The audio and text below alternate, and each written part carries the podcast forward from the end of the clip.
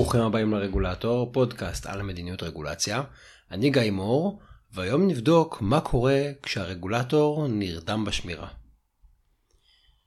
ה-FDA הוא ארגון שלדעתי כולכם מכירים אותו, The Federal Drug Administration, הרגולטור הגדול בארצות הברית שעוסק בפיקוח על מזון, על תרופות, על מכשור רפואי, גוף עם המון המון אחריות, המון המון סמכות,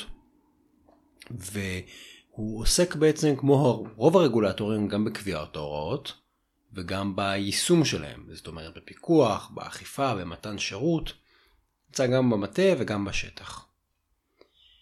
בואו נסתכל על סוג מסוים של פעילות של ה-FDA, הפיקוח של FDA על משלוחים של יבוא מזון לארצות הברית.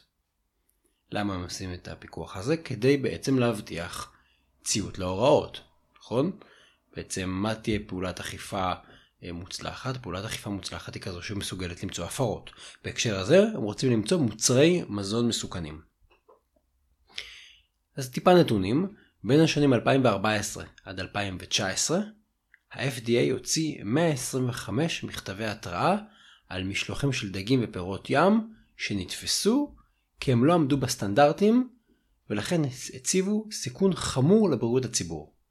אני מסתכל בכוונה על נתונים שהם לפני הקורונה, אירוע משבש, היא משנה הכל, משנה הכל מה שקרה ב-2020-2021 וגם מה שקרה אחר כך. אז אנחנו מסתכלים לפני.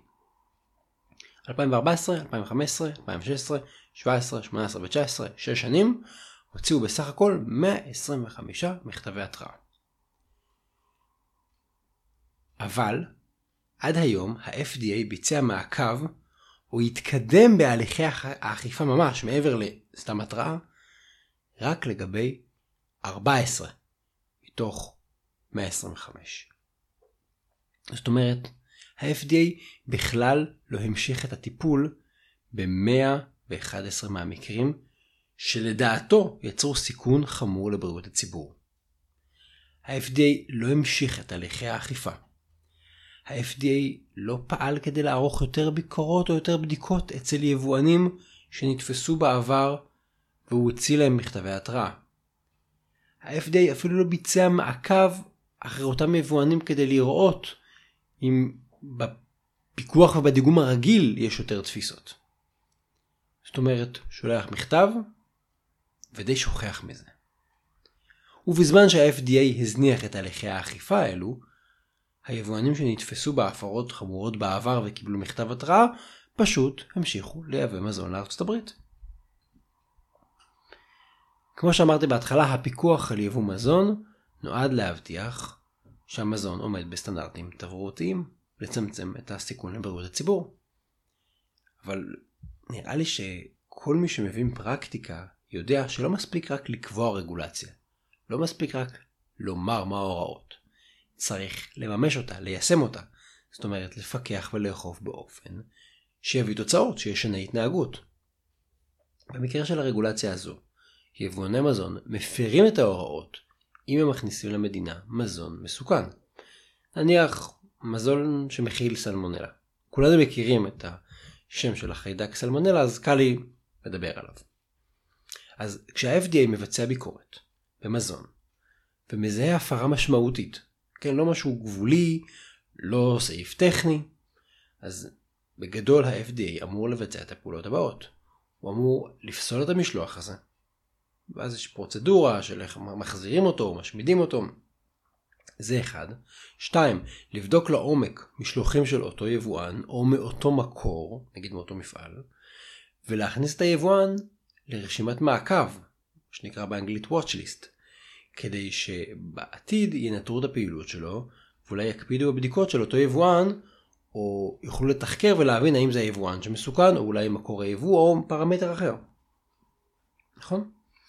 ובנוסף, אם נכנסו למדינה משלוחים חשודים של אותו יבואן, בעבר כבר, אז ה-FDA אמור לפרסם לציבור אזהרה על זה שיש חשד ממשי שמשלוחי מזון של אותו יבואן כבר מסתובבים במשק והופצו בתוך המדינה.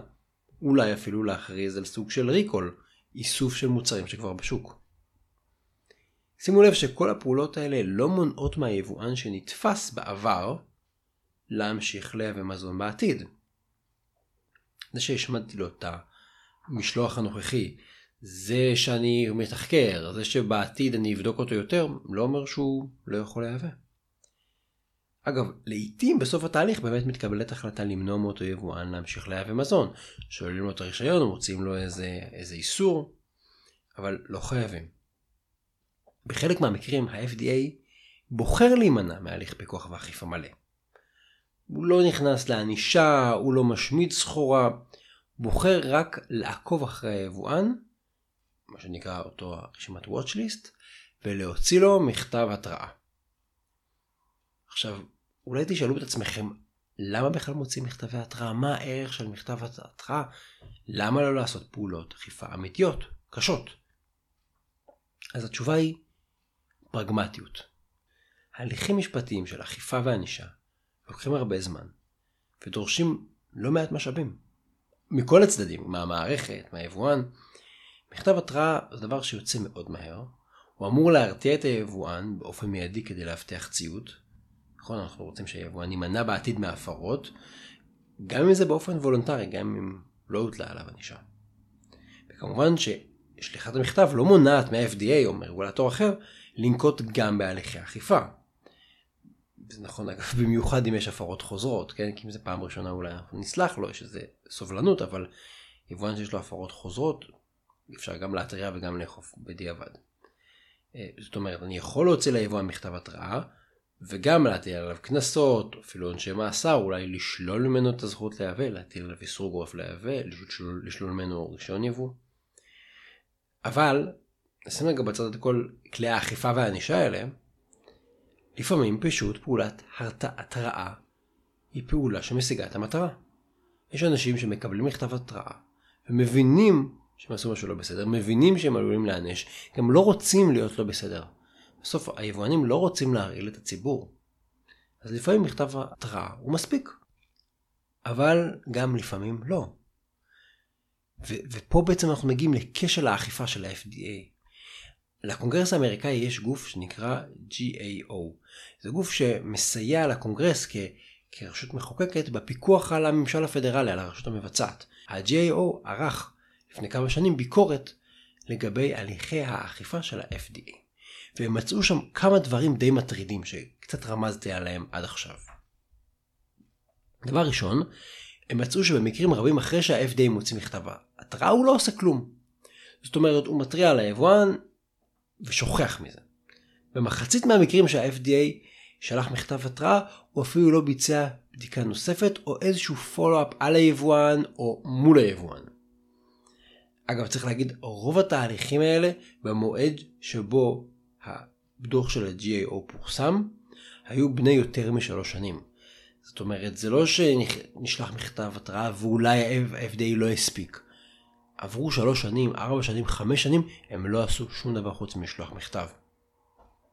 דבר שני, הרעיון של מכתבי ההתראה היה להרתיע את היבואן מהר, לספק לו גם מידע מה לא בסדר כדי שיתקן את הפעילות שלו לעתיד, ואת כל זה לעשות בצורה מהירה כדי לא להמתין לחקירה פלילית, איסוף ראיות, הגשת כתב אישום, תהליך משפטי, ערעורים.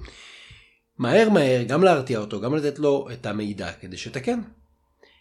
אלא שבפועל, הנהלים של ה-FDA, הנהלים הפנימיים שלו, מאפשרים לו להוציא מכתב התראה רק לפחות ארבעה חודשים אחרי שהמשלוח נתפס. אתם שומעים נכון.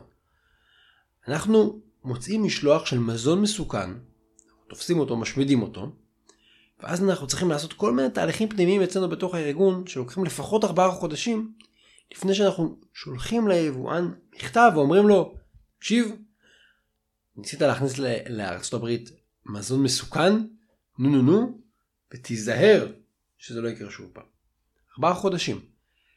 אם אני תופס את המשלוח היום, באוקטובר 2023, אני אשלח להם את המכתב בפברואר 2024. הכי מוקדם, אולי גם אחר כך. אבל זה לא מספיק, כי יש גם בעיה שלישית. יד ימין לא יודעת מה יד שמאל עושה. היו יבואנים שנתפסו בהפרות משמעותיות של יבוא מזון שנמצא כמסוכן, שמייצר סיכון משמעותי לבריאות הציבור. ה-FDA הכניס אותם לרשימת המעקב ל-Watch List שלו, ולכן הם היו בפיקוח מוגבר של ה-FDA. אבל במקביל לזה, הם קיבלו מה-FDA מכתב. לא מכתב התראה, מכתב סגירה. מכתב שאומר שהבדיקה בעניינם הסתיימה, ושהם יכולים להמשיך לייבא כרגיל כמו כל יבואן. ברוב המקרים היבואן לא היה צריך לבצע שום שינוי נהלים, או להראות שהוא נוקט באמצעים כלשהם, כדי לקבל כזה מכתב וכדי להימנע מהפרות בעתיד.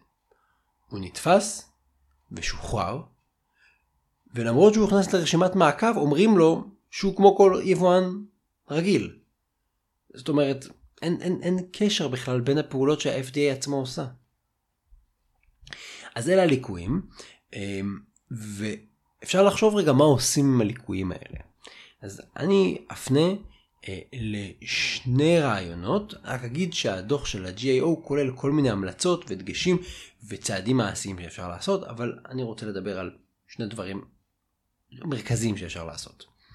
דבר הראשון זה די טריוויאלי נראה לי, אם ה-FTA מוציא מכתבי התראה, הוא צריך לעקוב אחריהם ולנהל את התהליך. זאת אומרת, התהליך הלוגיסטי של אה, משלוח שמגיע, פורקים אותו, בודקים אותו, זה לא כל התהליך. התהליך כולל גם את הבדיקה, את האכיפה, את המכתב התראה, את מה שעונה היבואן, את התהליך שאולי לחדד איתו נהלים, אולי יש לו שאלות והבהרות. צריך לנהל את התהליך הזה. לא מספיק לשגר מכתב התראה ולשלוח, ולשכוח מזה. צריך לנהל את הטיפול ביבואנים שנתפסו, להבין מה קורה, ולנהל את המידע עליהם. ולכן אגב ה-GAO ממליץ לפתח שיטת מעקב ולהקים מערכת מחשוב למעקב אחרי היבואנים לא רק בתפעול השוטף אלא גם לטפל לעקוב אחרי היבואנים שנתפסו ואחרי תהליכי האכיפה או תהליכים שהם חלופיים לאכיפה. אולי זה נשמע לכם מובן מאליו, אבל לפעמים גם את המובן מאליו צריך להגיד אם הוא לא קורה. ההמלצה השנייה, נקודה שנייה שאפשר לעשות היא יותר עמוקה, אולי פחות טריוויאלית גם. ה-JO בדוח שלו מצביע על זה שלא כל כך ברור מה הערך בפעולות הפיקוח, האכיפה והענישה של ה-FDA. לא דיון תאורטי פילוסופי, הוא אומר, הוא אומר פשוט לא ברור מה התוצאות ומה התועלות בפועל. זה שעשיתי פיקוח, אני בהכרח תופס, זה בהכרח תפסתי. אני מעניש, זה שאני מעניש ואוכף, האם זה משנה את ההתנהגות של היבואנים או לא?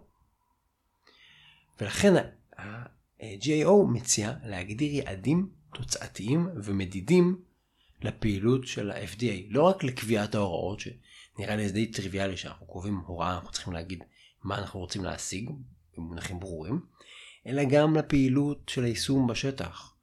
שיטת הפיקוח והאכיפה, כמה משאבים אני משקיע, איזה בדיקות אני עושה, איזה בדיקות אני לא עושה, מעבדה, בדיקות ביניים, בדיקות פיזיות. אני חושב שעצם הגדרת היעדים, עוד לפני שיעשו עם זה משהו, רק להגדיר יעדים, תעזור ל-FDA לחדד לעצמם מה המטרות שלהם. להגיד מה חשוב לנו, מה פחות חשוב לנו. ואז גם למדוד איך הם מתקדמים, והאם הם מתקדמים בכיוון של היעדים. ולא צריך להיות קטנוניים. נגיד היעד היה להגיע לרף של 120, לא משנה מה, 120 משלוחים שבודקים, והגענו ל-119, זה לא סוף העולם. הסיפור המגמה, האם אנחנו מתקדמים לכיוון היעדים, האם אנחנו עומדים במקום, האם אנחנו מתרחקים, האם שמנו עוד משאבים, האם זה קירב אותנו או לא עשה שינוי. ואז כשאנחנו עובדים יעדים ויש לנו איזשהו מצפן לדעת מה קורה, אפשר להתחיל לקבל החלטות. למשל, אם אני לא משיג את היעדים, אז בוא נבדוק ונשאל איפה יש כשל במערכת. האם הכשל הוא בהוראות עצמן, במערך הפיקוח והאכיפה, אין לנו מספיק משאבים, אנחנו לא מתואמים עם רגולטור אחר, יכולים להיות המון המון דברים, אבל אני צריך לדעת מה קורה כדי לדעת שיש בעיה, ורק אחרי שאני מבין שיש בעיה ומה היא, אני יכול לטפל בה. אז אלה ההמלצות. אמ, מה קורה מכאן? ה-FDA קיבל את הדוח הזה של ה-GAO, הוא למד את טיעוד הדוח והוא גם הודיע באופן פומבי שהוא מקבל את ההמלצות שבו, והוא יפעל ליישם אותן כדי לתקן את הליקויים, במטרה לשפר את איך שמערך הפיקוח והאכיפה שלו עובדים. אז מצד אחד סיפרתי לכם פה סיפור קצת מדכא, קצת מעצבן על כשלים חריפים וצורמים, חלקם קצת אבסורדים. מצד שני, יש פה רגולטור, ש... קיבל ממערך הביקורת פידבק. הוא הסכים ביקורת עם התובנות, והוא התחייב באופן פומבי ליישם את ההמלצות ולהשתפר. ואני חושב שזה דבר גדול, כי הרבה פעמים אנחנו מתרכזים בסיפור, ואני מביא פה סיפורים על כשלים, כי להביא סיפור שהכל עובד זה, זה לא כל כך מעניין, אין, אין כל כך מה לספר. אבל זה שיש גוף שנותן פידבק זה לא דבר מובן מאליו, וזה שהרגולטור מוכן ללמוד את הפידבק הזה ולהפנים ולעשות פעולות אקטיביות שלוקחות מאמץ כדי להשתפר זה גם לא מובן מאליו. אז זה נקודת האור בסיפור הזה, זאת אומרת, כשלים תמיד יהיו, אבל אם יש מערכת שיודעת לעבוד, למצוא אותם וללמוד ולעזור לנו להשתפר, זה דבר גדול. בואו נקווה שה-FDA אה, ועוד רגולטורים יקשיבו לפידבק וישפרו גם את האופן שבו הם קובעים הוראות וגם את מערך הפיקוח והאכיפה שלהם. תודה עד כאן להיום. אה, אני החלטתי אה, לפרסם את הפרק הזה אה, למרות המצב הקשה, האירועים הקשים שקרו אה, ב-7 לאוקטובר בעוטף עזה, ולמרות מצב המלחמה שקורה במדינה. לקחתי שבוע של הפסקה, ואז חזרתי לפרסם, כי אני חושב שאנחנו צריכים לצרוך עוד סוג של תכנים, והמציאות ממשיכה למרות הלחימה. אה, ואני רוצה לתת לכם איזשהו תוכן לצרוך שהוא לא רק התוכן הקשה והלפעמים מדכא שסביבנו, לא בגלל שזה לא חשוב, אלא פשוט כי אה, העולם שסביבנו ממשיך להתנהל, אה, יש סביבנו רגולציה, יש עוד, יש עוד דברים שנעשים, וכיוצר תוכן רציתי להעמיד לכם עוד תוכן שתוכלו לשמוע. אז תודה על ההאזנה, אתם מוזמנים לעקוב אחריי בפלטפורמות השונות. לינקדאין, פייסבוק, טלגרם, כמובן, כמובן באתר אינטרנט רגולטור.אונליין. אה, אני גיא מור, התכנים משקפים את דעותיי בלבד, ואם אתם רוצים להעיר משהו, לבקש סוג של תוכן, אתם מוזמנים לכתוב לי. תודה רבה.